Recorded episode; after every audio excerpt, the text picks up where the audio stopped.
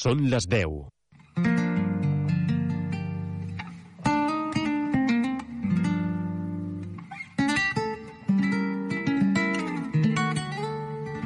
Benvinguts a Sons a Cau d'Orella, on la vanera i el cant de taverna en són els protagonistes. Dirigeix i presenta Joan Brugués.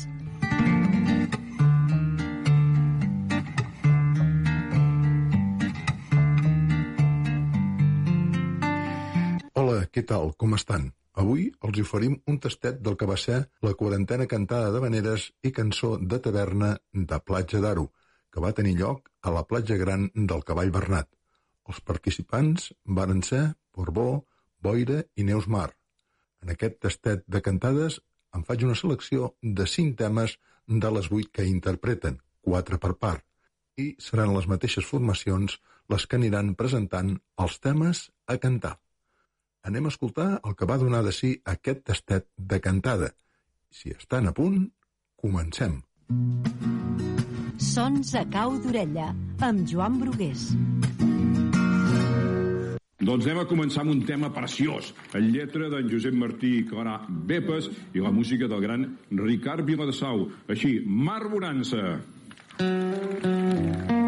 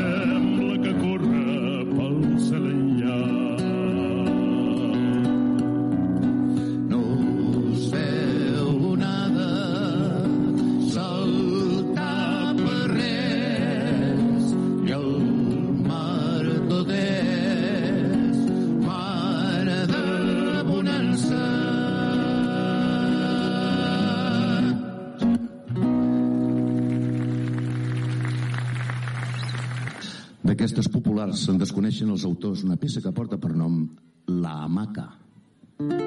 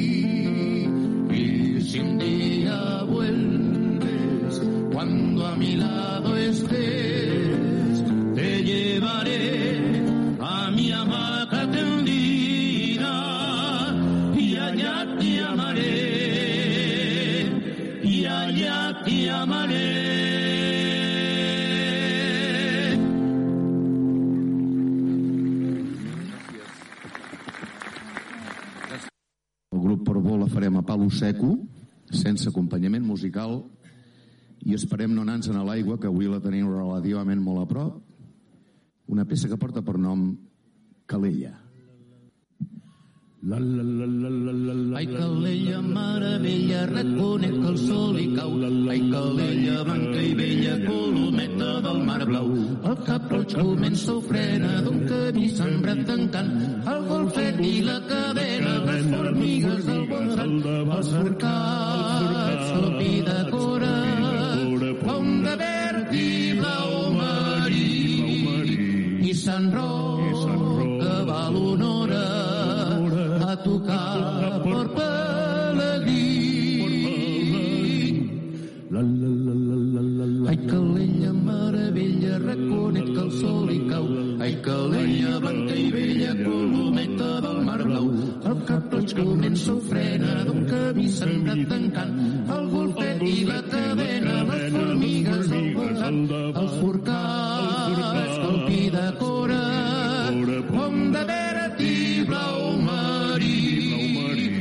I Sant Roc, que va l'honora a tocar per pelegrí.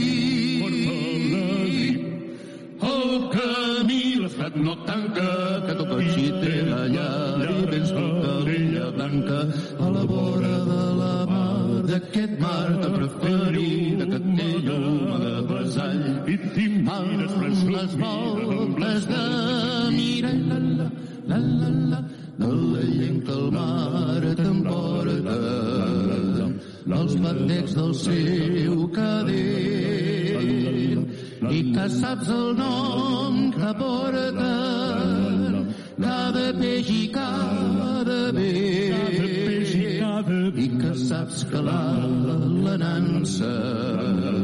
I t'agrada la cançó. I se't menja l'enyorança si te'n vas d'aquest portbó si te'n vas d'aquest de portbó la llengua clara nina l'arcalella i amb el cor cantó caminen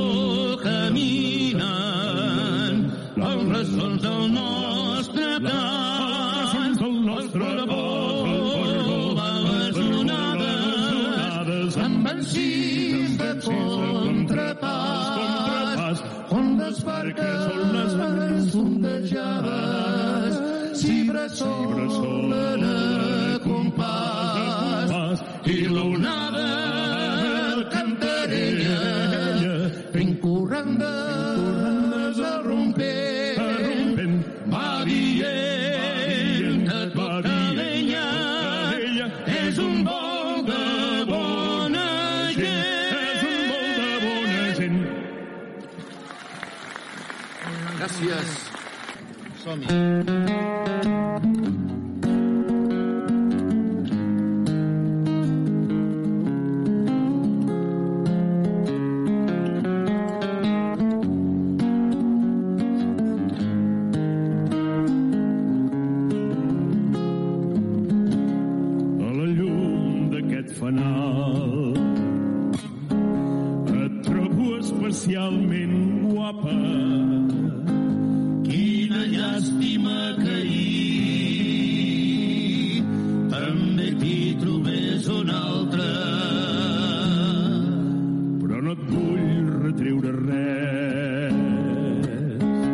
i donar-te les gràcies per marcar-me aquest camí. Ara em du la sort de cara, ansida valés per ell.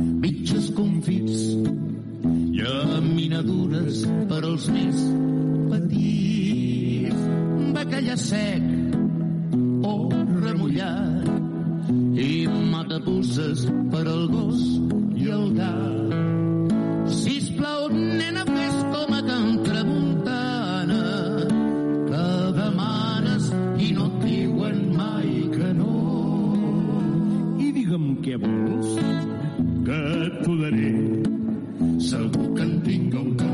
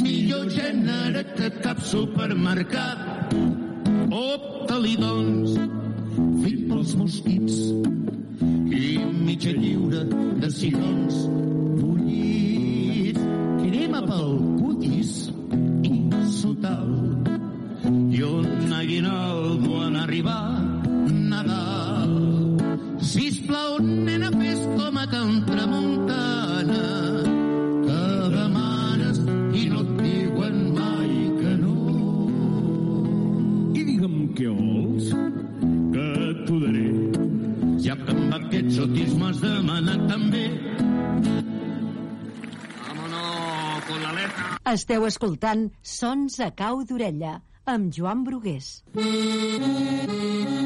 -hmm.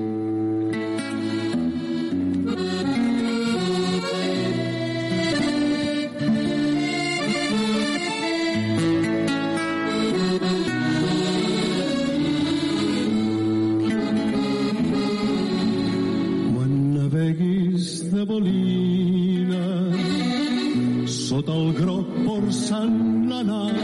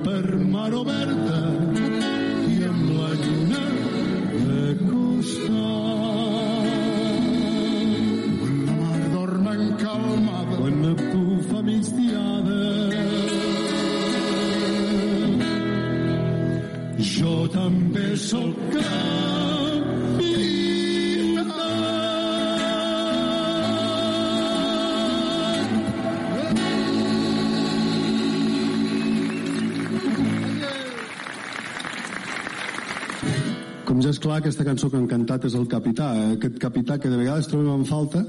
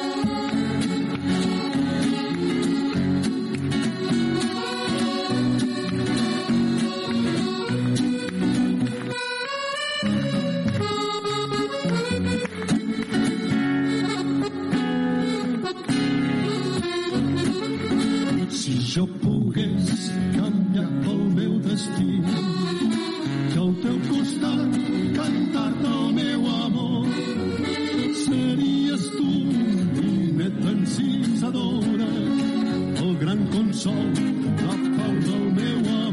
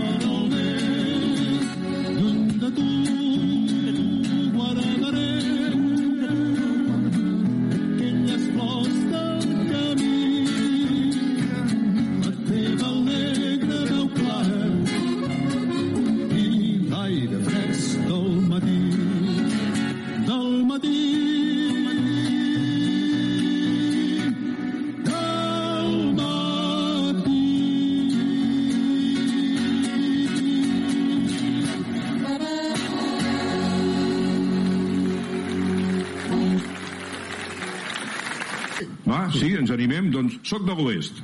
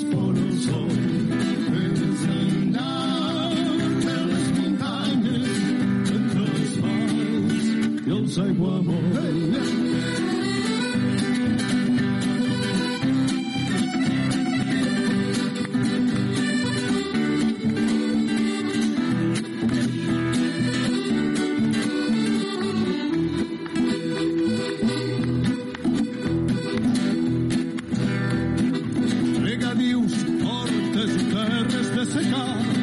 Pluja quan Déu vol i tempesta sobre el pla i la boira cobrint la vall. Històries contades a la fora de la llar quan la nit és llarga i les hores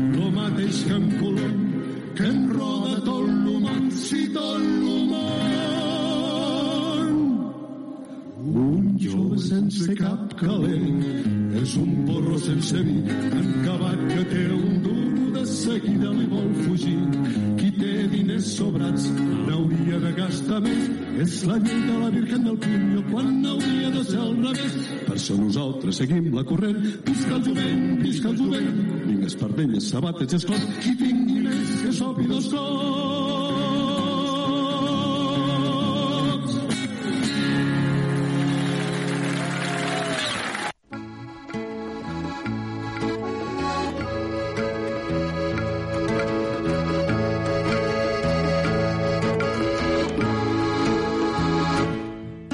escoltant Sons a cau d'orella amb Joan Brugués.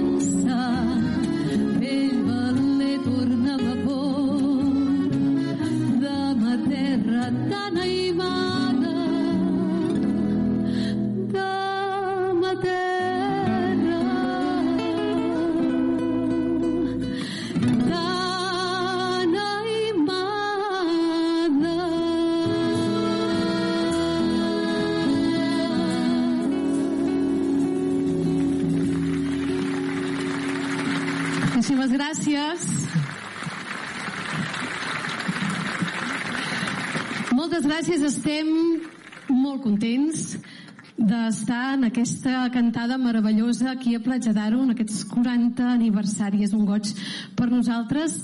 I hem començat amb aquesta manera tan bonica del mestre Josep Bastons i Anna Brunet a la lletra. Escoltem molt bé aquesta història de la manera embrujada. Música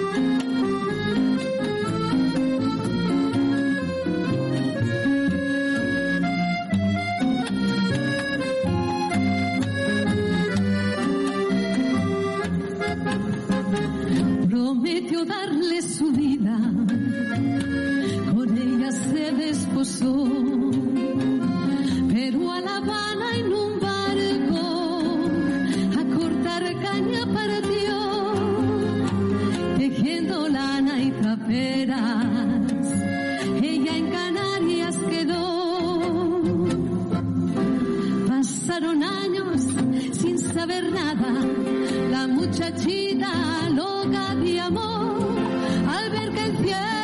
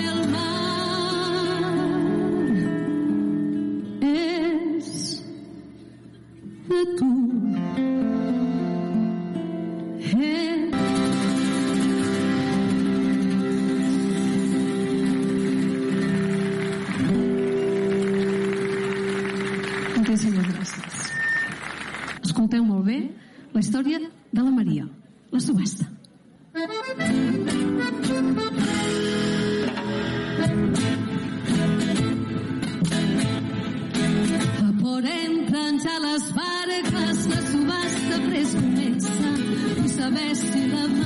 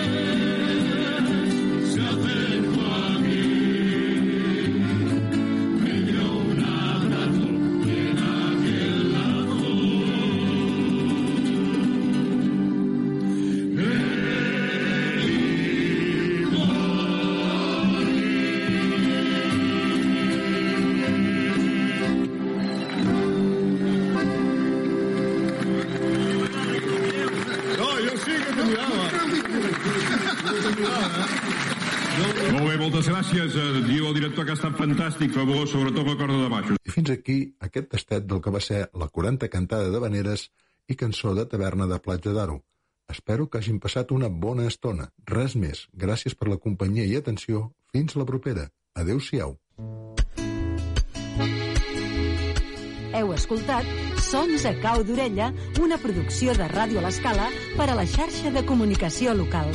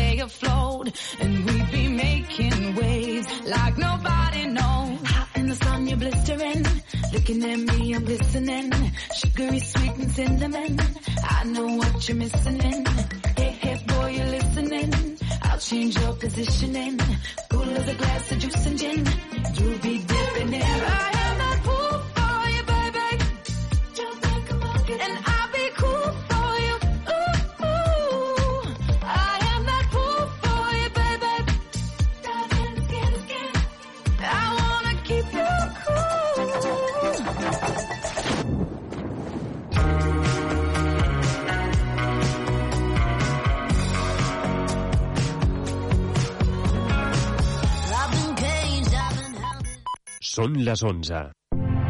Ràdio Ciutat de Badalona. Escoltem la ciutat.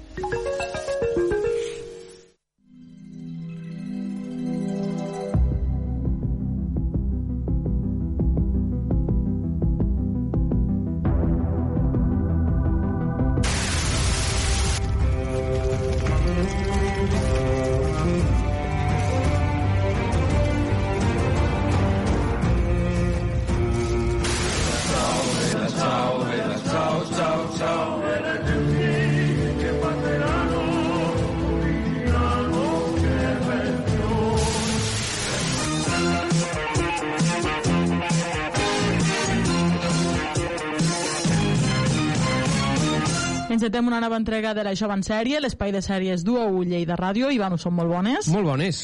I avui repassarem un concepte que, que l'Ivan va proposar fa uns dies i del, sobre el qual he estat investigant una, una mica. Parlarem de product placement, o dit d'una altra manera, la publicitat que ens colen, tant al cinema com a les sèries, però que no és explícita, no? Mm, És a dir, quan tu estàs mirant una pel·lícula i el protagonista es veu una Coca-Cola, Correcte. això seria un product placement, perquè És- normalment la marca ha pagat aquell show perquè aparegui la seva marca. Correcte, però és una publicitat, entre cometes, integrada en Mhm. l'atrezzo, en, en la utileria de l'escena. Exacte. Que a vegades es fan més sort i altres amb menys. A vegades fins i tot aquests productes centren la trama, que aquest és el product placement que agrada a les marques, eh? en què el, pro el producte és protagonista també d'aquesta trama. Mhm. Repassarem alguns exemples.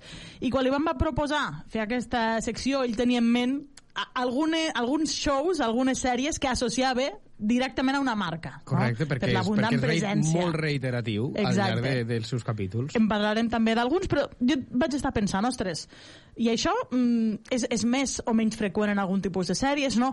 Doncs he trobat un rànquing eh, de les sèries amb més impactes publicitaris incorporats, vale? amb més, Vale. amb més eh, casos de product placement. I també he trobat, eh, doncs, ja més o menys estudis sobre quines marques són més freqüents que facin aquest tipus de publicitat i, i, i quina mena de marques i també quines marques en concret. Per exemple, per tipus de productes, la roba i la moda són les més freqüents, és obvi, els Mhm. actors eh, quasi sempre apareixen vestits. Llavors, eh, Aquestes, bueno, Aquests vestits els hi deixen unes marques. Exacte, unes marques. eh, a canvi doncs, de que facin aquesta publicitat. També les begudes no alcohòliques eh, són, diguéssim, la tercera categoria de productes més freqüent. Clar, perquè imagino que les begudes alcohòliques mm, hi ha aquí un punt de legalitat que no permet eh, la seva publicitat eh, d'aquesta manera, no? No, perquè són la tercera categoria, begudes Ah. alcohòliques. Vale, vale. Potser Espanya, eh? Està més això pot regulat, ser, això. això pot ser. Però, vaja, eh, en el cas dels Estats Units, eh, bueno, en general, però clar, els Estats Units produeixen el gruix del contingut audiovisual, aquestes són les més freqüents. I per marques, eh, Nike és la, la que té més impactes publicitaris comptabilitzats, si més no, Vale. seguida de MacBook i iPhone, totes dues d'Apple. Home, eh? sí, sí, certament a les sèries d'avui en dia, sobretot les americanes, tothom té el seu iPhone. Clar, a més, als Estats Units és, és la marca més implementada en el mercat, amb la qual és una marca que fabrica a Califòrnia, totes Sí, sí. coses. Llavors, si diguessis que per marques i, i per tipus de productes, aquests serien. Ara anem amb les sèries, amb les que tenen més impacte. Curiosament, bueno, curiosament no, d'una manera més o menys lògica, les sèries llargues tendeixen a tenir més impactes publicitaris. També per una qüestió doncs, de, de durada. Eh? A, a més capítols, més possibilitat de que n'hi hagi. És una Correcte. cosa que també sembla bastant, bastant lògica. I eh, he seleccionat el rànquing de les 10 sèries amb més impactes eh, publicitaris. Sergi Kiu, molt bones, eh? Ja sóc aquí. que s'acaba de- d'incorporar eh, per parlar d'aquest product placement. Les sèries amb més impactes publicitaris, amb més publicitat incorporada, en el número 1 trobem una sèrie bastant llarga, que és The Office, vale? amb gairebé 1.500 eh, impactes d'aquest tipus. La sèrie de comèdia eh, doncs és una de les que, la que més en té, vaja, a més, a bastanta, bastanta diferència amb la següent, que en té 800 i pico. Vale? Quin tipus d'impactes publicitaris trobem a, a, a The Office? Eh, clar, va adoptar un enfocament diferent The Office en aquest, en aquest sentit, vale? Eh, només feia publicació, o sigui, ubicava productes que els seus um, protagonistes utilitzessin. Clar, hi havia molts protagonistes i això donava peu Sí. doncs, a, a, a molts impactes. Per exemple, els protagonistes jugant al Call of Duty, Sí, Utilitzant- a la- a l'oficina aquella que es van a, Exacte. quan, van a Jim, quan, es va, quan el van ascendir o exacte, traslladar. quan se'n van a Nova York, És un joc habitual, eh? Call of Duty, Counter-Strike, Sí. són jocs aquests de, Sí. de Però sí, tirotejos. protagonitzàvem una trama on jugaven entre ells a Call of Duty Sí. i, i de fet el Andy s'enfadava molt. Sí, sí. Els ordinadors Mac, que, clar, treballen en una oficina, tots tenien ordinadors. Estaven, doncs, eh, molt, molt presents. També eh, es parla molt de Staples, que és la companyia de la competència de Dunder Mifflin. Ah, eh, I era una, era una marca real. és una eh? marca real. És que això és lo... De fet, és la marca de grapes potser més famosa, bueno, material d'oficina en general, però grapa als Estats Units eh, quasi és, és com Kleenex, no? Mm. Eh, pues Staples, saps? I, i també mm, es parla de restaurants com Hooters, als quals hi van els protagonistes, Sí. no? eh, això ho feia molt The Office, integrava, integrava molt en el discurs aquests productes. Però més trobo que està molt ben trobat perquè per la pròpia natura de la sèrie, que és intentar que sembli el menys possible una ficció sent una ficció, Sí, sí, sí. Sí, doncs sí. això està molt ben integrat en aquest sentit perquè feien servir el món real És així, com, a, és així. com a product sí, sí, placement. Quedava molt, molt orgànic. O, per exemple, a, a vegades, fins i tot, eh, la trama reclamava aquest product placement. Ja a la temporada 2 eh, van a fer una mena de reunió d'empresa a un restaurant que es diu Chili's. En aquest cas, eh, no, no, van, o sigui, no van triar el restaurant perquè hi fes propaganda, sinó perquè els guionistes pensaven que era un bon lloc on es podria fer eh, doncs, un dinar d'empresa, un sopar d'empresa. Llavors, per això el van, el van trobar. O, per exemple, hi ha moltes vegades que mm, parlen de tribago a l'hora de reservar hotels, els, els protagonistes, i després hi ha un, un cas molt curiós perquè, eh, si més no es diu que és un product placement que va servir per salvar a la sèrie, Sí. que es va donar a la, al capítol de Nadal de la segona temporada de The Office, en què els treballadors de l'empresa estan jugant a un joc que vindria a ser com l'amic invisible, vale? aquí, que es diu Yankee Swap eh, als Estats Units, en què cadascun portava un regal de Nadal embolicat i, eh, bueno, es posaven tots en rotllana i començaven a fer una sèrie de normes per mm, passar-se'l, però el que, l'últim, el que va obrir el regal pot robar-li a un altre un dels regals. Vale? Llavors, el Michael Scott eh, decideix portar un iPod mm, últim model eh, que val molts més diners dels que s'havien establert com a límit per a aquest amic invisible. Brian.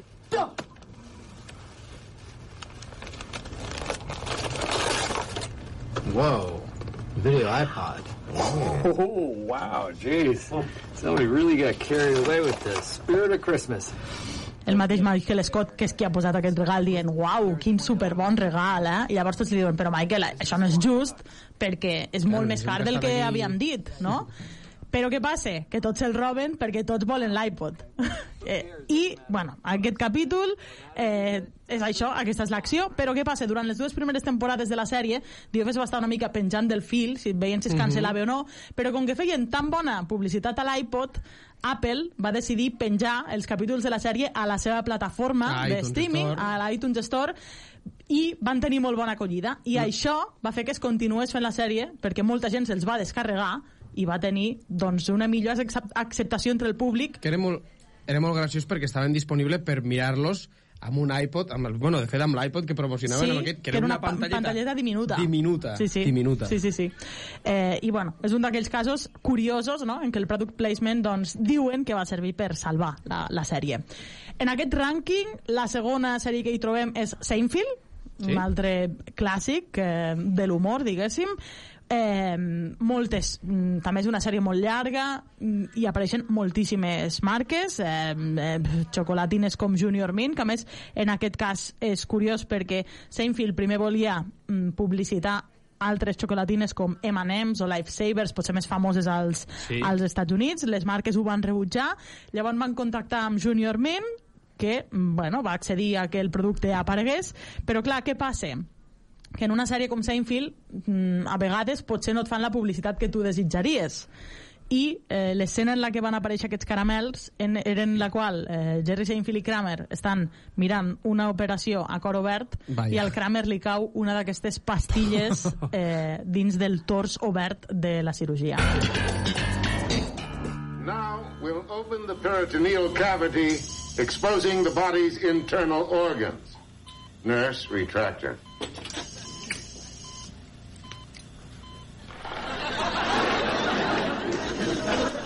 eh, us podeu imaginar què va passar que és que la companyia no va pagar la, la col·laboració No? al final va, va considerar que la publicitat que li donaven no eren la que, la que ells havien contractat Quasi millor, perquè unes xocolatines amb menta... també és veritat Sí, dins del, dins del budell eh, irriten. Sí, sí. però vull dir que a sobre per menjar tampoc són gaire agradables, eh? Home, hi havia after, la- after, hi havia l'after aquest, que L'after aquestes estaven bones. A mi m'agraden, Aquestes van triomfar molt, Sí, aquestes sí, sí. A l'after casa van posar una caixa al congelador perquè estiguessin així cruixentes i encara estan allí. Ah, sí? Porten dies, eh? Porta-les aquí, van que ens les menjarem. Sí? tant. Eh, doncs Seinfeld és la segona d'aquest rànquing amb 867 impactes i la segueix de prop una altra sèrie que a més aquesta, en aquest cas, el product placement és d'un sector més concret que és Sex and the City. Carrie Bradshaw. Love of my life.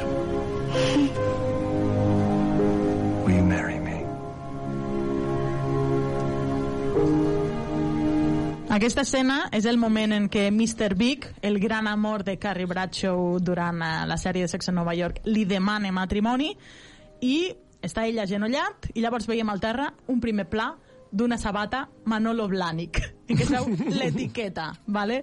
perquè eh, precisament Sex on Nova York és una sèrie que explica la vida doncs, de quatre amigues de, de diguéssim d'una classe molt benestant eh, a la ciutat de Nova York eh, les marques de moda són doncs, potser les més presents eh, a, a la sèrie. De fet, Manolo Blahnik, que és una marca de sabates caríssimes, que no baixen dels 400 dòlars el parell, com a mínim quan es feia la sèrie, ara deuen costar més, eh, va viure un gran boom arran de Sex on Nova York, perquè la protagonista, la, de fet l'actriu que fa de Carrie, Sarah Jessica Parker, és una gran amant de la moda, li encantaven aquelles sabates, eh, va aconseguir que doncs, hi apareguessin i que mm, li donessin les sabates per aparèixer, i això va ser un gran boom per aquesta, per aquesta marca. O sigui, sobre que està guanyant un munt de milions, li regalen unes sabates que costen una millonada. Sí, Això passa, sí, per exemple, al món exacte. esport, Clar, en futbolistes... amb la roba, exacte. També fan pinta de tenir totes iPhone, eh, el rebut aquest d'en Just Like That. Sí, també, també. I surten moltíssimes altres marques, per exemple, Vivian Westwood, que també és molt amiga de Sarah Jessica Parker i li agrada molt la marca, és potser la que més hi apareix. Eh, el vestit de boda de, de Carrie Bradshaw a la sèrie Sí? és d'aquesta marca bueno, Louis Vuitton, eh, Dior, Chanel, algunes escenes fins i tot gravades a les botigues eh, de Diane von Furwensberg, per exemple, a Nova York, també hi ha algunes escenes, bueno, tot aquest tipus de col·laboracions s'hi presten molt. I en quarta posició, en el rànquing, trobem Friends, amb eh, més de 770 impactes, que clar, aquí també és una sèrie eh, que tracta tants temes que les marques són una mica poti-poti, una mica de tot.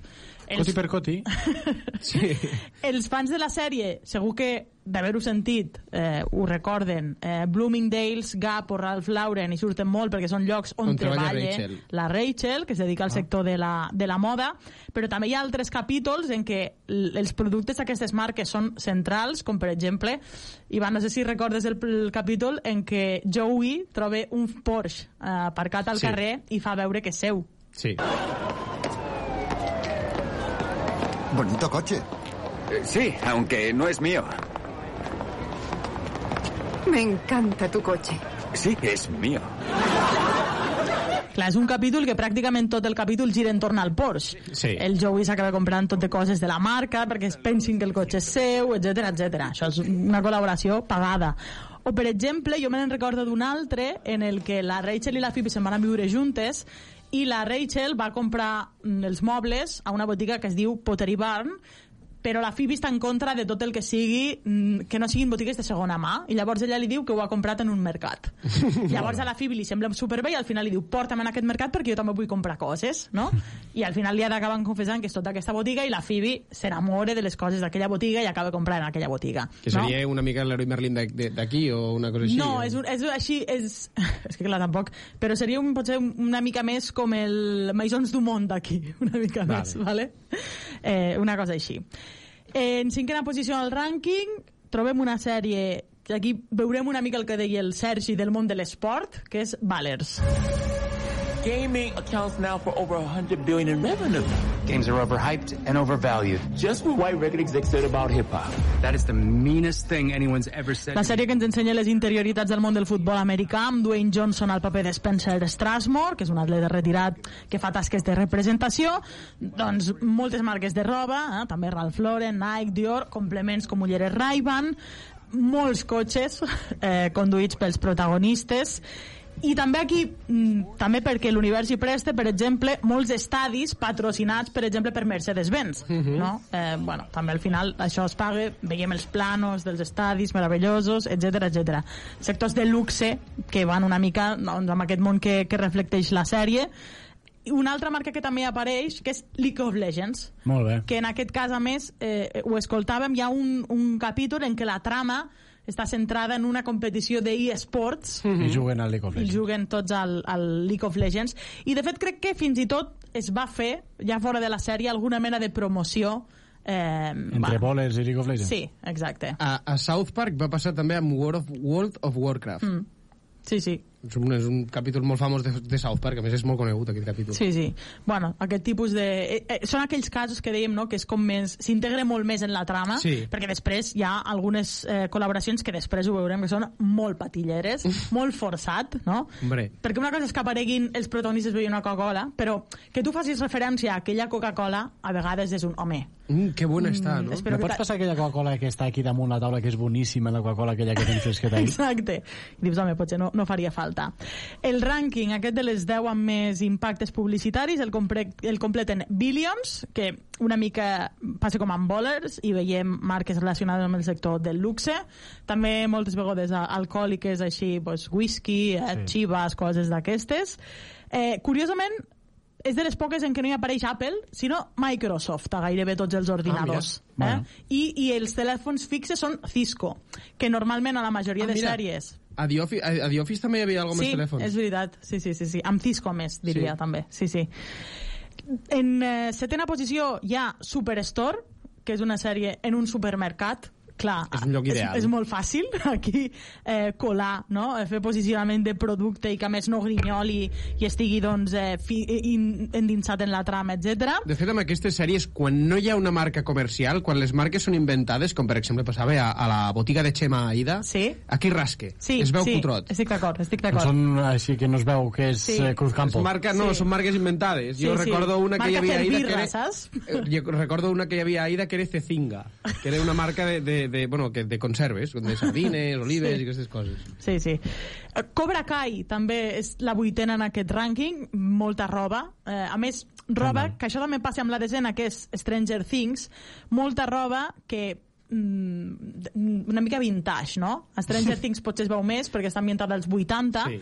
eh, molta Converse, Nike, Reebok, marques amb una llarga trajectòria. Sí, no, de fet a Cobra Kai no.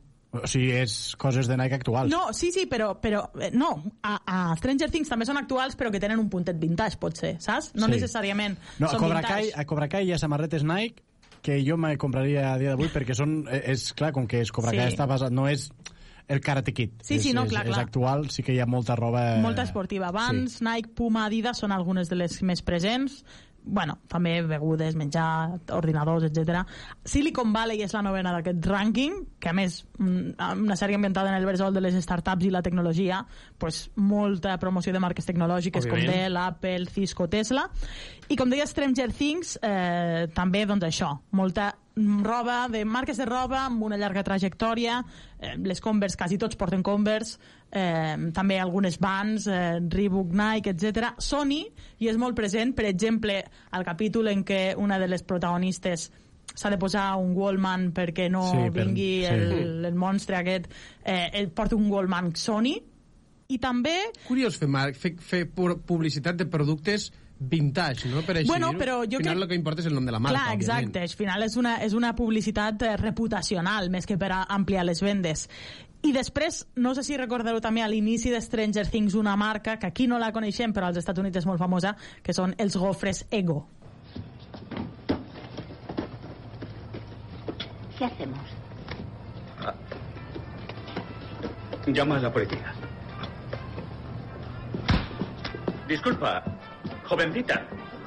Tienes que pagarlo, ¿sabes? Eh, eh, no te muevas. És la Eleven robant uns eh, gofres Ego, que és la marca que li dona el Hopper i es converteix en el, en el seu menjar preferit, que són uns gofres congelats de la marca Kellogg's que s'escalfen i es poden menjar. Ah, no? allò que fan a la torradora, eh? Exacte, sí, sí. Doncs eh, va suposar també un gran boom de vendes, no? Es van, és un d'aquells productes que són, mm, bueno, que tenen, diguéssim, unes vendes lineals, però de sobte hi ha un pic als Estats Units de vendes d'aquell d'aquell producte després de que es convertissin en els favorits de la protagonista de, de Stranger Things.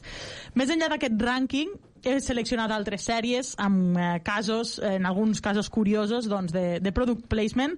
Per exemple, i a més sobretot integrat en aquesta trama. A The Big Bang Theory, eh, el capítol en què Siri, l'assistent de veu sí. d'Apple, es converteix en protagonista física del capítol.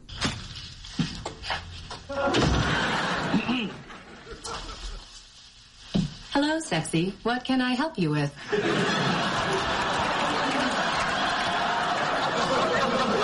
Like és el regís eh, que lli- lliga, diguéssim, amb, amb la Siri, se'n va a, a la central d'Apple a veure-la i, clar, un cop allà, el regís no pot parlar amb les noies perquè es posa molt nerviós i no sap què dir-li a, a Siri recordo i no, no pot allò parlar que amb he ella. sentit de que, que, que li dia allò que te diu Apple ¿Cómo quieres que te llame? I li diu sexy sí, sí, sí, és veritat, és veritat. Més eh, sèries. A The Walking Dead, eh, Hyundai, era el, els cotxes, si us hi fixeu, jo no m'hi havia fixat eh, fins, fins que ho vaig veure, però quasi, gairebé tots els cotxes que apareixen conduint en plena apocalipsi zombi són cotxes Hyundai. Molt bé, així Ah. el meu sobreviurà. Doncs sí, de, bé? de fet, eh, fins i tot es va fer una col·laboració més enllà de la sèrie eh, que a la Comic Con de San Diego el 2012 es va presentar un model de Hyundai que es deia Zombie Survival Machine um, i en, en teoria estava equipat amb tot el que necessites per enfrontar-te als zombis, amb finestres reforçades, eh, fulletes a les rodes, una pala davantera per emportar-te'ls per davant, etc etc. Perfecte. No està mal. Altres sèries en què també el product placement és molt fàcil, Mad Men, sèrie Sí. sí. que se centra en una eh, agència de publicitat, i de fet en aquest cas eh, la marca Lucky Strike va experimentar un gran augment de les vendes als Estats Units després d'aparèixer Mad Men, que a més és una marca que es converteix en eh, clienta de l'agència de publicitat sí. eh, Sterling Cooper i apareix recurrentment a molts capítols en què es parla de la seva estratègia de publicitat, etc etc i, i de com la reputació de la marca es pot treballar, així que, bueno, d'aquestes a Mad Men en trobaríem unes quantes perquè Mhm. són moltes les marques que, que s'hi anuncien. Bueno, nois, eh, ho deixem aquí, se'ns acaba el temps, Que vagi molt bé. vagi molt bé i fins la propera. Adéu. Adéu. Fins aquí l'Això en sèrie, l'espai de sèries du a Ulla i de Ràdio.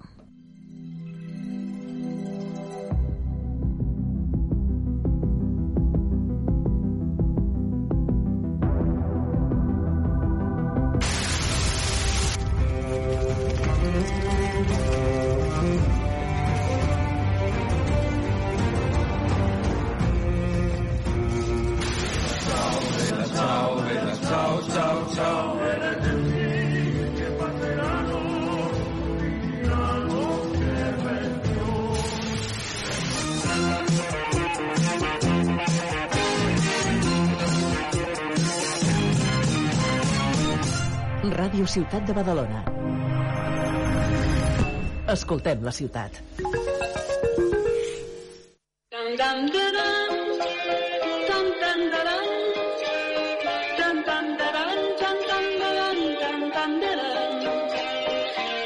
Hola, què tal?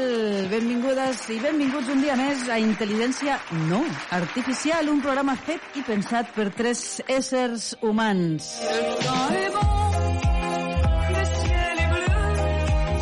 Als controls, el magnífic, ja ho sabeu, Hernán Subirats. Hola, Hernán, com I estàs? la veu recuperada, En de la veu setmana recu- en setmana ja... Ai, sí, que te veig molt millor, eh? Sí, te sí, veig sí, i te sí, sento. sí, sí. Te sento molt sí. millor, també. Menys sí, mal sí, dels sí, remeis casolans. M'alegro moltíssim, m'alegro moltíssim. gràcies. Benvingut un dia més.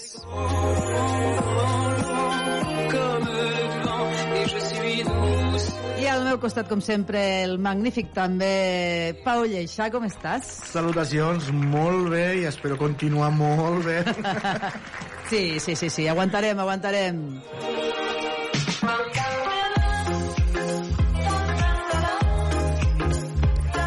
Doncs ja sabeu que en este programa ens encarreguem de parlar de coses que ens interessen als éssers humans i que probablement a les intel·ligències artificials no els faria ni el fred ni calor. I en este cas, avui, precisament, parlarem d'un tema que la intel·ligència artificial crec que no entendria ni, ni borratxa. O sigui, què fan uns éssers humans humans, o humans, eh? ficant-se sota el mar a unes profunditats increïbles que no, que, en fi, que no són naturals, eh, que no són accessibles, que no són segures, què és el que ens impulsa? I parlem, naturalment, ja ho heu endevinat, del Titan, aquell submergible que, que no ha tornat mai més.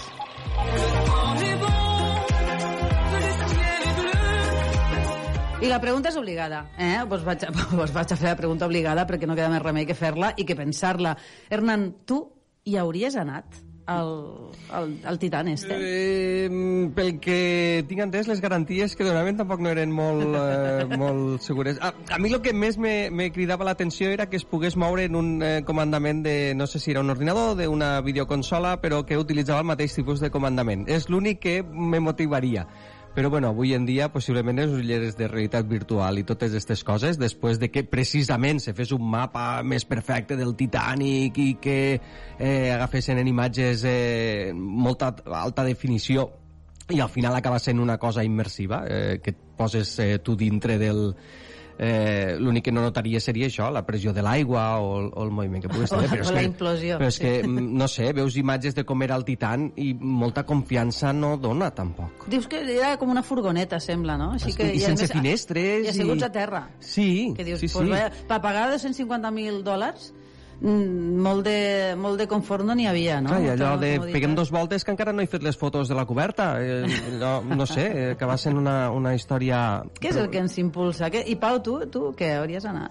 Jo ho resumiré en dues paraules. Ni regalat. Ni regalat, oi? No, Ni perquè és que regalat. pagat segur que no. És- és no que bueno, no, eh? sospito que pagat no. No, Pagar no. per un altre, per un altre, potser sí. Qu Sí, sí, quants sí. anys hem de treballar nosaltres per a poder un No, és viatge que així? ni treballant tota la Però és que vida, ni diverses estudiat vides. unes comoditats i unes coses, és que, clar, les imatges que vam veure quan se va veure tot això, feien feredat també, però...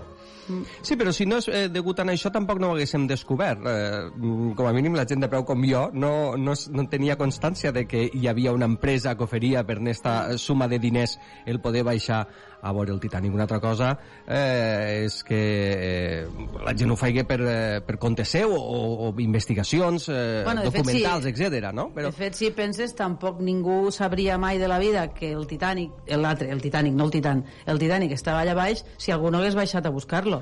No? Bé. Vull dir, naturalment, totes aquestes exploracions turístiques o científiques, la qüestió és que fa, bueno, que cal que la gent, cal que la gent faci aquest esforç per pa saber lo que sabem. El que passa és que també tenim necessitat de saber si el Titanic està allà baix o no, perquè mireu, resulta que he estat investigant una mica i hi ha un senyor, hi havia un senyor que es deia Morgan Robertson, que um, havia nascut al 1861 a New Jersey i que era eh, oficial de la Marina Mercant dels Estats Units, que a més a més escrivia. I resulta que el 1898, 14 anys abans que passés lo del Titanic, va escriure una novel·la, atenció, curta, atenció, que es deia Titan. I en esta novel·la curta que es deia Titan, insisteixo, 14 anys abans de la desgràcia del Titanic, descrivia un vaixell exactament igual que el Titanic, de les mateixes dimensions, de la mateixa quantitat de gent, de la, en el mateix trajecte però al revés, sí? I resulta que també el feia ensopegar de mala manera en un, en un iceberg i el feia enfonsar-se i també deia que era el primer mm, vaixell insubmergible i tot plegat. I es deia Titan, ojo i aleshores este Robertson eh, deia que allò era massa luxós i que allò no era per qualsevol i que era massa i que era per passatgers multimilionaris. I li va posar de nom Titan i dius todo en uno eh? i llavors dius, vols dir que cal anar a veure si el Titanic està si la, si la, si la literatura, l'art, la imaginació han pogut descobrir mons no? abans de El que passa és que eh, també sempre hem buscat aquells vaixells enfonsats, de, eh, no sé, colonials, etc, el típic tresor del vaixell, aquelles monedes d'or, aquelles àmfores, eh, inclús de vaixells romans. Sempre hem anat en busca una mica de les profunditats i d'estes desgràcies que acaben amagant certes coses, no? Jo aquí el que em pregunto també, respecte al que comentava Flàvia, és eh, fins a quin punt hi ha la casualitat o l'empresa constructora i fins i tot compradora del Titanic i organitzadora del primer viatge no coneixia la novel·la, van aprofitar per a posar-li aquest nom i aprofitar fins i tot la circumstància de crear un viatge semblant, que tindria mala llet, perquè si t'has llegit el final de la novel·la i acaba malament, sí. jo no li posaria Titanic sí, no, ni aniria clar. al mateix lloc. És, és, no sé, allò de tentar la sort massa Sí, possiblement, sí, jo me no? pregunto si el senyor este que va, que, bueno, que va desaparèixer juntament en els altres al Titan sabia l'existència de- d'esta novel·la que se deia eh, The Wreck of the Titan eh, or Futility, no? O sigui, el naufragi del, del Titanic o futilitat i si la coneixia mm, ja són ganes d'anar-li a posar Titan, no? Llavors dius, vale, posem per cas, és la curiositat el que ens porta, és la curiositat el que ens fa, perquè no és pas la necessitat, com ara estos dies pensava en una anècdota terrible que va passar, bueno, que va passar, que vaig conèixer a, a Cuba. A Cuba has d'anar al, al Parque del Cristo a, a, a connectar-te a internet perquè no hi ha cap altre lloc per fer-ho. Llavors te'n vas allà i xerres amb gent, perquè clar, és inevitable, no? I una de les vegades que vaig estar allà vaig veure una, una senyora que xerrava molt animadament en, en, per vídeo, no? en una videotrucada, en el que vaig saber després que era son fill que precisament vivia a Barcelona, no? I li dic, oi, quina gràcia, tal, i allò que vam, vam xerrar, i em diu, sí, sí, sí, finalment sí, molt emocionada la dona me va explicar la, la història de son fill, que per això us dic no, que té relació en la mar, en la mar d'una altra manera i en la curiositat d'una altra manera i en, les, en, els, en els viatges d'una altra manera. Este xic eh, volia marxar de Cuba, volia marxar de Cuba i aleshores va quedar en 12 amics seus que van anar fent una mena, una mena de una mena d'embarcació en, un, en gomes de, de, de, de, de camió, en, en rodes de camió, en el que va dins, no? I van aconseguir un motoret i tal i que qual, i van sortir. I quan portaven pues a precàs una hora de viatge o dues hores de viatget, una colla de taurons, una colla de taurons es van menjar tots, excepte a dos. Ell, son fill que estava parlant en ella, i el millor amic de son fill, que el va salvar son fill. No? I van tornar a terra a Cuba. No? Van tornar a terra a Cuba, van tornar, els altres deu no van tornar, i la cosa és que fort perquè hi ha viatges que són imprescindibles i que se fan imprescindibles, necessaris, eh, no sé, imperatius, i que se fan en unes embarcacions completament no? eh, insegures. I després hi ha aquests viatges que, que parlem que dius no sé si, no sé si caldria, no? Eh, i, que, i que enfronten i que ens fan pensar en un món en el qual les diferències i, i, i, les, i les desigualtats no? eh, arriben a fregar moltíssimes vegades les, les injustícies, no? I parlant d'injustícies, mm, ja sabeu que últimament hem adoptat la, el bon costum de parlar de llibres i de, de sortejar-los. Eh?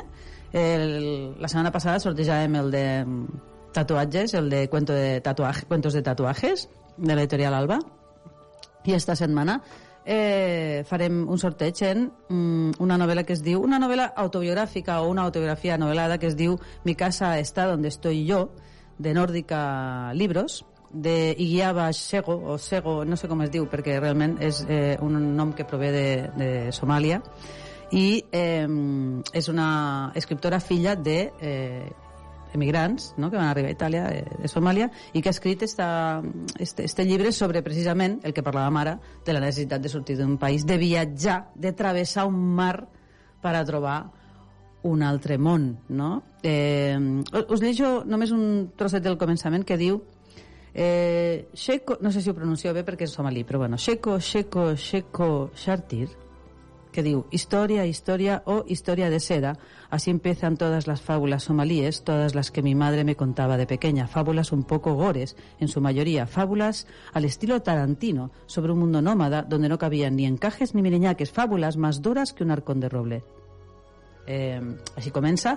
Eh, per a entrar en el sorteig, senzillament heu d'entrar al nostre Twitter, que és arroba inarràpita, i en el tuit fixat que tindrem al començament, fer una observació, fer un comentari i dir-nos que voleu entrar en el, en el sorteig. Aprofito per dir-vos que també teniu per fer comentaris diversos i propostes eh, variades també el nostre correu electrònic que és ina arroba radioràpita.cat i dit això seguim amb la curiositat humana eh, per què viatjaríem? Jo us contesto, no?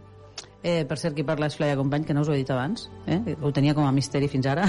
Sí, com estàvem nosaltres dos, sí, però sí, sí, sí, sí, sí, sí, no? T'has obviat. No? Sí, sí, sí, m'he deixat eh, per conegudes que com que jo mateixa me sé. Pues. Eh, la qüestió és que jo tindria tentacions, eh? Tindria tentacions, però no per, perquè pense que... És a dir, clar, pensant en el que significa que és esta, este despropòsit de gastar un milió i mig de dòlars en una... No, aquí ja entra, no? Però si fos com pujar a una taula de surf i baixar allà, és a dir, estic parlant de que no em sembla just que hi hagi la injustícia que gent pugui fer això, no? Però si no fos una injustícia, no sé, eh? perquè quina tentació de veure les profunditats del mar. A mi, I concretament el Titanic, perquè una cosa és anar a fer snorkel a les Illes Medes Mm. i l'altra cosa, i l'altra cosa és eh, perdre dos hores, crec que eren dues hores de viatge eh, d'immersió per anar És que hasta, són quatre quilòmetres, hasta el eh? tema de, hasta justament el Titanic. clar, 4 quilòmetres. I eh? és pel Titanic, entenc jo, no? Perquè, no sé, anar a veure a tres falles o anar a veure, a explorar els, els fons submarins també, també ha de tindre la seva gràcia, en part. Sí, però jo, jo penso que és la fascinació que ha tingut el Titanic des, de, des del moment inicial. Lo que li- lo que l'envolta, tot-? El misticisme això. que envolta el Titanic. Si fos un altre vaixell segur que no aniríem a veure, per molt que et diguessin que, que hi ha uns esculls o uns coralls, no aniríem. És esta màgia que té esta, esta En cosa canvi, que, que a mi el que em tempta no és tant el Titanic com el veure les profunditats. O sigui, veure 4 quilòmetres per sota de la superfície del mar. O sigui, jo... No sé, eh, m'ha impressionat molt sempre que he fet snorkel, precisament, no? Mm. Quan he fet snorkel, jo què sé, a la Polinèsia, a Filipines, ja sabeu que he viatjat una mica, i... Sí, jo m'he quedat a les Medes, però tu has Sí. continuat una mica més a lluny. Una mica més a És- lluny. És el que hi ha. Clar, exactament. De, eh, clar, no pots fer la volta al món i no fer aquestes coses, no? Però la qüestió és que mm, aquells abismes que hi ha justament quan s'acaba m'entens? Que, que hi ha uns precipicis a dins de l'aigua que dius, és que m'encantaria ser capaç de baixar, però clar, eh, a pulmó no es pot, no? Clar. Però sí que, sí que hi ha un atractiu, una curiositat, un voler saber que ens ha portat lluny als éssers humans, en el bon sentit i en el mal sentit. Per això deia al començament, això una intel·ligència artificial mai de la vida ho faria, perquè no té la necessitat d'anar-se'n a fer perillar la seva vida o a perdre la seva vida vida. Quina vida té una intel·ligència artificial? Que clar, està viva. La que dura la bateria, no? Sí, més o menys. Més o menys la seva bateria. Hasta que el desendolles, no? Exacte. A, a mi m'ha vingut la imatge de l'escull esta que acabes de dir i, i trobo que m'he posat hasta de pell de gallina. És dir, però d'esgarrifança, de vertigen, és dir, crea una sensació de rebuig absoluta. Mira com som de diferents persones, no? Ah. Vosaltres dos volen anar a veure gairebé a cegues i jo us faria les fotos, però de molt a lluny. de molt a lluny us les faria, eh? No, no, no em Jo no sé si sóc més de, de tirar per dalt, és a dir, de, de sobrevolar, que de- que d'immersió. Eh, Ara, T'aniries abans a l'espai. Eh, potser a l'espai no, però sí que el tema de sobrevolar i veure eh, el paisatge així en modo cenital eh, m'agrada més la, aquesta idea de veure eh, la superfície eh, terrestre que no eh, per baix de, de l'aigua. Sí. Mm. Sí, sí, sí, ara que dèiem abisme, havies, havies comentat abans d'entrar avui, Pau, eh, la pel·li d'Avis, no?, que ens volies explicar Sí. una mica, que ens portava en aquest món de... Sí, perquè, clar, rebuscant de pel·lícules de submarins, de pel·lícules de vaixells, tots tenim al cap la gran pel·lícula de James Cameron, Titanic, i la volem evitar, però sí que tornant a James Cameron hi ha una pel·lícula a l'any 89 que és Avis, Mm. una pel·lícula que en aquell llavors se van portar a l'Oscar als millors efectes especials, una pel·lícula espectacular i que precisament parlava d'això. Equip de científics es contracten, evidentment, per a una missió de rescatar, doncs, bueno, al fons del mar, i allí troben una escletxa, aquest abisme, que és una escletxa de molts de quilòmetres de profunditat, i, clar, el problema que tenen és que dins d'aquella escletxa doncs, sorgeixen coses que només la imaginació de James Cameron pot fer sorgir.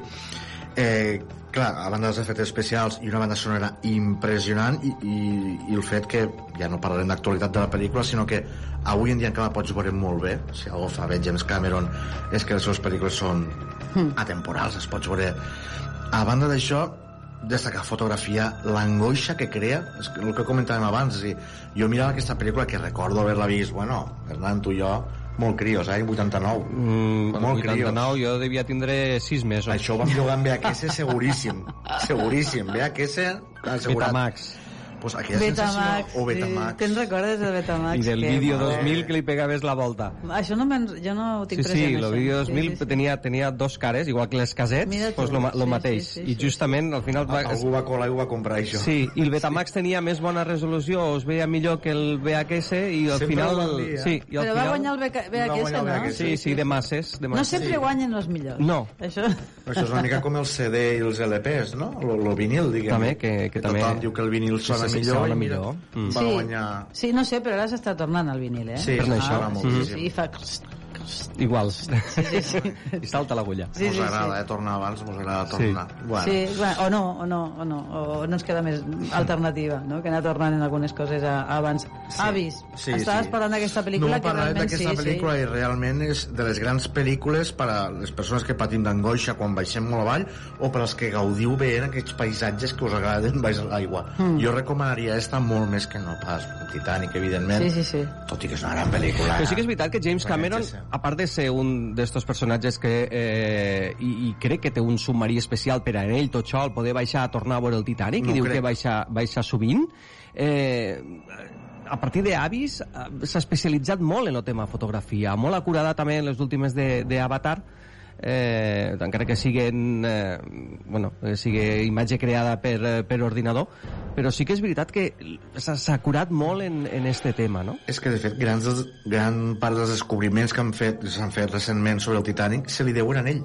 A tot el que ha arribat a invertir Exacte. cinematogràficament en megacàmeres, meganaus per a baixar cada vegada més i cada vegada més. És que això que ha dit l'Hernán això que ha dit l'Hernán és molt important eh, respecte del cas que, que, que ens té ocupats a, avui, no? Que és que ha dit "Mm, em sembla que Cameron té un submarí panell per baixar, ta, ta, ta. és que és molt important que se tracti d'un submarí perquè el Titan no era un No era un submarí, submarí. era un submergible Sí. Eh? I això és una cosa que al començament de les notícies, quan van començar eh, les notícies a, a, no? a sorgir, eh, no quedava clar per què era un problema que s'hagués perdut el contacte. Perquè el tema era que és que perdre el contacte és perdre, que se'm digués, la, la nau que t'ha de rescatar i que, i que per tant ja no et podien pujar perquè no depenien, no tenien autonomia. O sigui, els deixaven caure i després els havien de recollir. Clar, la diferència fonamental és que eh, clar, un submarí suposo jo que deu ser molt més car que un submergible, no tinc la menor idea però... És que submergible és el molt rellonge. Clar, clar, M'ho- clar, M'ho clar. ha posat encara més fàcil per a no baixar. Clar. Un submarí pot ser encara, però un submergible... Submergible és això, és este vol i sigui Sí, la sí, fon- sí, l'enfonso. sí. Sí, sí, és sí. que no, que no. Que no, no, no, no. Evidentment, des del punt de vista de, de, de perdre la vida, un, igual que pujar a un, a un coet espacial d'aquests, home, no sé... mm, A mi Clar, hi ha empreses i empreses clar, i hi ha, sí, hi ha també. mètodes de seguretat i hi ha més enginyers o menys per a, per a crear aquestes andròmines per a, Sí, per intentar això- fer unes coses a les altres. Però això és com tot, no? Perquè, que, perquè la gent fa... Mira, hauríem de parlar també del tipus de, de esports de risc un dia, no? Eh, que crec que és un... Si voleu que parléssim de- d'esports de risc, mos ho dieu, que ja teniu el, el mail i el Twitter que vos he dit abans, per a... Eh? Anar ràpida al Twitter eh, per a comentar els temes que voldríeu que tractéssim. Però els esports de risc, hi ha gent que, clar, se'n va, pum, paracaigudes, pam, i no s'obri. Sí, sí, Les sí. dues onomatopeies són perfectes, eh? Pum, pum, i pam. pam. I- Ha sigut perfecte. Xim, pum. Eh, també. Xim-pum. Xim-pum. Xim-pum. I què, no? O sigui, jo una, me me'n recordo una vegada que vaig fer parapente i, i clar, per fer parapente tu vas muntanya avall no? per una pendent Mm. i has d'anar corrents. Hasta Tu, que tu, tu, tu, tu. s'acaba. Exactament. I, I te diuen molt clarament, si comences a córrer, no pots parar. O sigui, no pot, perquè si pares et mataràs segur perquè no s'obrirà bé les ales aquelles i tal. I jo corria muntanya avall, vos ho dic de veritat, no? I en lo cap deia, para, loca, para. Però el cor em deia, tu segueix, tu segueix que volaràs. I quan arribes al final, no sé si heu provat a fer parapente mai. Mm, No, no, no rotund. molt bé. No rotund. No, deia Hernán, no rotund, en una cara molt convençuda, deia Pau, vos ho explico perquè jo ho estic veient. I quan arribava al final, efectivament s'acaba el terra, tu segueixes pedalant l'aire com si, no sé, i caus un... Caus, jo no sé si metres o, o què, però caus. Caus i dius, veus, el cap diu, veus, tenia raó. És que vaya, és que aquí se li acut. I el cor diu, encara hi ha esperança. enca-". I de cop i volta, puf, s'obren aquelles ales i fum, i vas cap a dalt i comences a volar i allò és meravellós. Un fred allà dalt, per cert, vos he de dir, però eh, una i no més, també vos ho dic. O sigui, Quedeu-vos està en el bé. tema, si aneu a fer parapent, porteu-vos una rebequeta. Una rebequeta. Algo. Sí, Algo sí. per a, sí, per a sí, sí. I vigileu el mòbil si feu Sí. fotos, perquè si cau... no... Vas poder fer fotos? I tant, i tant. Sí, Sí, sí. sí, sí. Tinc fotos i tinc vídeo i tinc de tot. Clar, home, un- una vegada que puges, veigues, no? Eh, clar, sí, sí, sí. A veure, el- eh, això va ser al nord de l'Argentina, que hi ha una, una, una muntanya que es diu Lomabola, Lomabola, i allà ja se practiquen molt sovint el, el parapente. Si no fas fotos Sí, també sí, és sí. absurd, perquè una experiència així i passar-te-la tancant els ulls de temor, dius, sí. pa què? Sí, el problema també, és que mm, la selfie és difícil i que, i que passi algú pel costat per fer-te la foto, per exemple, que és una cosa que et fan en navegació, això és, és, és complicat. I tenies una altra pel·lícula que, que mos volies eh, comentar també, no? Sí, que era... el que tinc avui és la pell molt de gallina, eh? Hem de buscar sí. temes també molt tranquils, eh? Perquè Sí. m'han parlat de tatuatges, han parlat de la fi del món, han parlat de, ara d'esports de risc, voleu? Sí. Mm, toquem de peus a terra també algun dia, eh? Podem Ah, de parlar, no sé... De... De passejades per la muntanya. Per exemple, bueno, també podem passejar per la vora de la pla, platja, al pla. al pla, al pla. Sí, sí. Perquè vosaltres quan anireu a Kilian Jornet, que vos veig vindre, us veig vindre. Passejades per la muntanya, que l'altre dia vaig veure Everest per segona vegada. Mare meu, quin patiment. Everest? Sí. Oi, que fort. És magnífica aquella, aquella pel·lícula. Jo veus això, no... Jo pujar una muntanya tan alta, tan alta, tan alta i morir-me de fred, trobo que no... I més en circumstàncies que pugen ara, que han de fer cua i tot. Sí, Heu vist imatges Sí, d'estes? sí. Això és garrifós, eh? Dir, quan te toca pujar tu? Agafa el número. Turisme de masses. Per no parlar Però de és- totes les deixalles i tota la brossa i la mec... I en lo, i en lo de- gel encara van sortint més. Sí, sí, sí. I precisament per això els rics, les, els rics des del punt de vista dels diners, eh, que a mi això de dir rics, la gent en diners, molts diners, estan buscant altres tipus d'entreteniments diferents a les cues que es formen a l'Everest o tal, perquè eh, justament mm, no, no se senten còmodes, estan envoltats de tanta gent i busquen... Que també hauríem de parlar, eh? Hauríem de parlar de viatges de turisme d'aquests de luxe total, inimaginables, aquestes coses que fa la gent... Veus, ara ja... Ja t'agrada més, no? m'agrada De luxe t'agrada més. Ara aquí aportaré una, ide una idea, digueu-me demagog, però si no saben què fer els diners, que vagin a qualsevol hospital, Sí.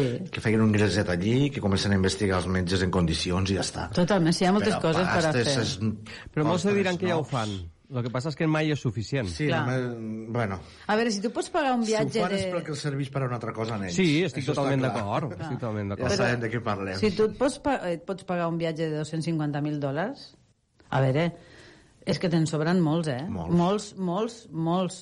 Parlant de, de turisme, de, no de risc, però de, de, de, diferent, per estar sense moltes cues, la gent se'n va a l'Everest, i ho dic en la boca petita per no fer crida a la gent, perquè, no? però jo que vaig caminar els Andes, la cordillera de los Andes, des de l'Argentina fins a Xile, que passes per allà al mig i no hi ha ni connexió, ni, ni, ni, ni internet, ni res del món, i estàs realment com devia estar la gent, jo que sé, el general San Martín cuando independizó a l'Argentina, doncs, eh, eh, clar, tens la sensació que el temps... Eh, o sigui, tens una sensació com d'eternitat, que suposo que és el que li passa a la gent quan pugen aquestes no? cimes tan altes, els cims aquests, no? Eh, i, de, i, de no haver. I, I que la natura no ha canviat en absolut, no? Ara, un fred. Un fred que les llebres estan mortes al costat del riu, així estiradetes, perquè La l'aigua està... Rebequeta, Flàvia, t'ho ha dit abans Rebequeta. Hernán. Abans t'ho ha dit. Molt bé. La Rebequeta viatgera. Molt bé, i després tenies una pel·lícula, Pau, que volies comentar també Sí, era una ganes de- curiositat, Sí. perquè jo recordo quan estudiava que va sortir una pel·lícula espanyola, que vos vindrà enseguida al cap, si dic Vigas Luna, que es deia La camarera del Titanic. Oh, sí, sí, sí. sí que van sí, estar un sí. munt de temps anunciant-la i clar, tots pensàvem, a l'Estela precisament James Cameron vam dir, hosti, pel·lícula espanyola, tot i que era una coproducció que va participar mitja Europa va participar, fins i tot Catalunya van picar diners per aquesta pel·lícula doncs pensàvem, i el Titanic com lo faran? semblarà una barcassa o... bueno, pues se va solucionar canviant l'argument de, de la pel·lícula és una pel·lícula que parla, a veure si us sona d'un xic que li toca un viatge fins aquí m'ho sonaria Podem llegir? però alerta, un viatge per a- anar a veure la sortida del Titanic. Ah, molt bé. No pujar-hi.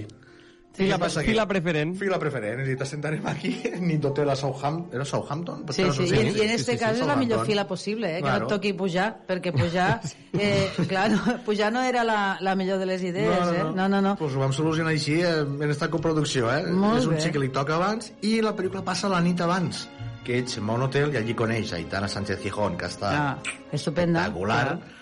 i passen una nit junts d'amor. I és una història d'amor en la camarera del Titanic, però la nit abans. Sí, sí, abans. Veus de refiló la proa o la popa, no sé el que era del Titanic, però poca cosa més. Era una camarera. Era tan hermosa. ¿Qué se puede decir cuando uno desea besar a alguien? Ella quería enseñarme el barco.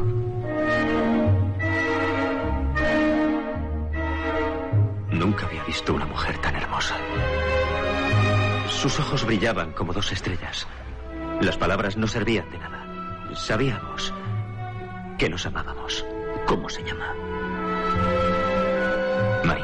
Molt recomanable un llibre, eh, de, un poema, un llarg poema de Hans Magnus Enzensberger. Ah. M'ha costat dir-ho, he assajat moltes vegades. eh? No, no, és broma. Eh, que es diu L'enfonsament del Titanic. Un, un llibre ma magnífic, realment, eh, que parla justament no? de, de, tota, de tota la desgràcia de...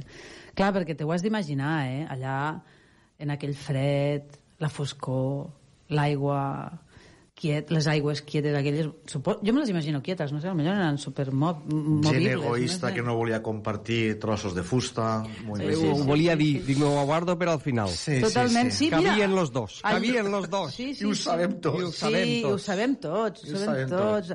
El llibre de Robertson precisament també parla de les, això, no? de, les, de les poques eh, balses salvavides que, que hi havia i que no hi havia suficients per a tothom. No? Eh, jo no sé com ho fem, eh, benvolguts Hernán i Pau, però el temps a nosaltres aquí se mos acaba d'una manera tan ràpida, tan ràpida, Se mos afona el temps. Sí, sí, sí, sí, sí, se mos afona el temps i no volem deixar de eh, recordar-vos que podeu eh, escriure a Twitter eh, el, el, que deixarem, el tuit que deixarem penjat, eh, no, preferent al principi, per a eh, participar en el sorteig del llibre Mi casa está donde estoy yo, de Iguia Basego, eh, de la editorial eh, nòrdica, eh, o podeu escriure a ina arroba radioràpita.cat, correu electrònic, a ina ràpita a Twitter, i eh, podeu eh, participar també eh, enviant-nos el que considereu que seria interessant parlar, comentar, mos podeu enviar fotos, també les comentarem, mos podeu enviar temes, mos podeu enviar impressions. I una pregunta, deixem avui una pregunta. Vosaltres hauríeu pujat al, al Titan? Eh, o preferiríeu pujar a un coet espacial que vos portés a fer una volta per dir algo per Mars o per la Lluna que també, que també déu nhi no? Ha de ser una experiència uf, tan complicada que després tornes i tothom se vol sentir clar, perquè això és una altra, eh? La gent que fa coses estranyes després torna i fa llibres, no? Llibres, pel·lis... Sí, entrevistes, tot. Claro, clar. escolta'm una cosa, els drets de Titan ja deuen estar venuts, no? Seguríssim. Ah, és que és de cinematogràfics d'això. A tot cas, millor que feien llibres o pel·lícules o això que sessions de diapositives amb els amics. Sí, Que també. quina pallissa. Ai, sí. Sí, Ai, sí, sí, sí, sí, sí. sí. Jo Millor un això... bon llibre i, sí, sí, escolta. sí, sí, sí, sí. Que, per cert, a la pàgina de Ocean Gate, la porta de l'oceà, no? Ocean Gate, eh, que són els que promocionaven aquest viatge del Titan, Mm. continua apareixent la... o continua fa no res, eh, apareixent la informació de aquí teniu una possibilitat de viatge a les profunditats marines Oh, per a veure el S'han Titanic. estavellat avions i continuen volant, eh? Però espera't sé un moment, què, és clar, que- però... Igual, igual milloren el prototipo aquí. Sí, sí, però de Titan no n'hi ha més. O sigui, l'hauran de... Tornar a fer, L'hauran de tornar, l'hauran de tornar a fer. Doncs, i nosaltres l'haurem... versió 2.0. Exactament, Titan 2.0, exactament. I nosaltres eh, també ho haurem de tornar a fer, haurem de tornar a fer el cim de la nostra trobada a intel·ligència no artificial amb molt de gust per a estar en vatros una estona la setmana que ve. Gràcies per ser natros i ens veiem.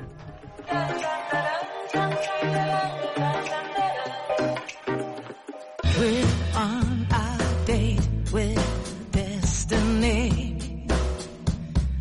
Careful now, don't look down. We'll never stop. The wall. Cause we'll be charging up the tower. Red flags, you know you never understand. Seventeen, tell me exactly what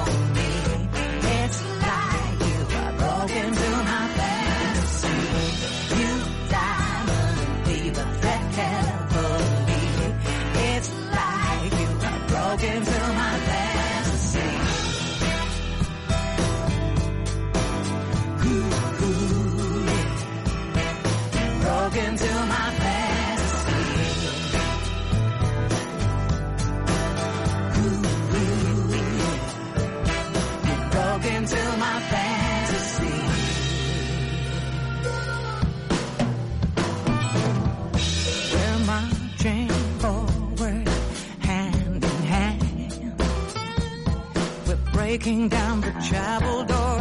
Smiles on our faces will never fall.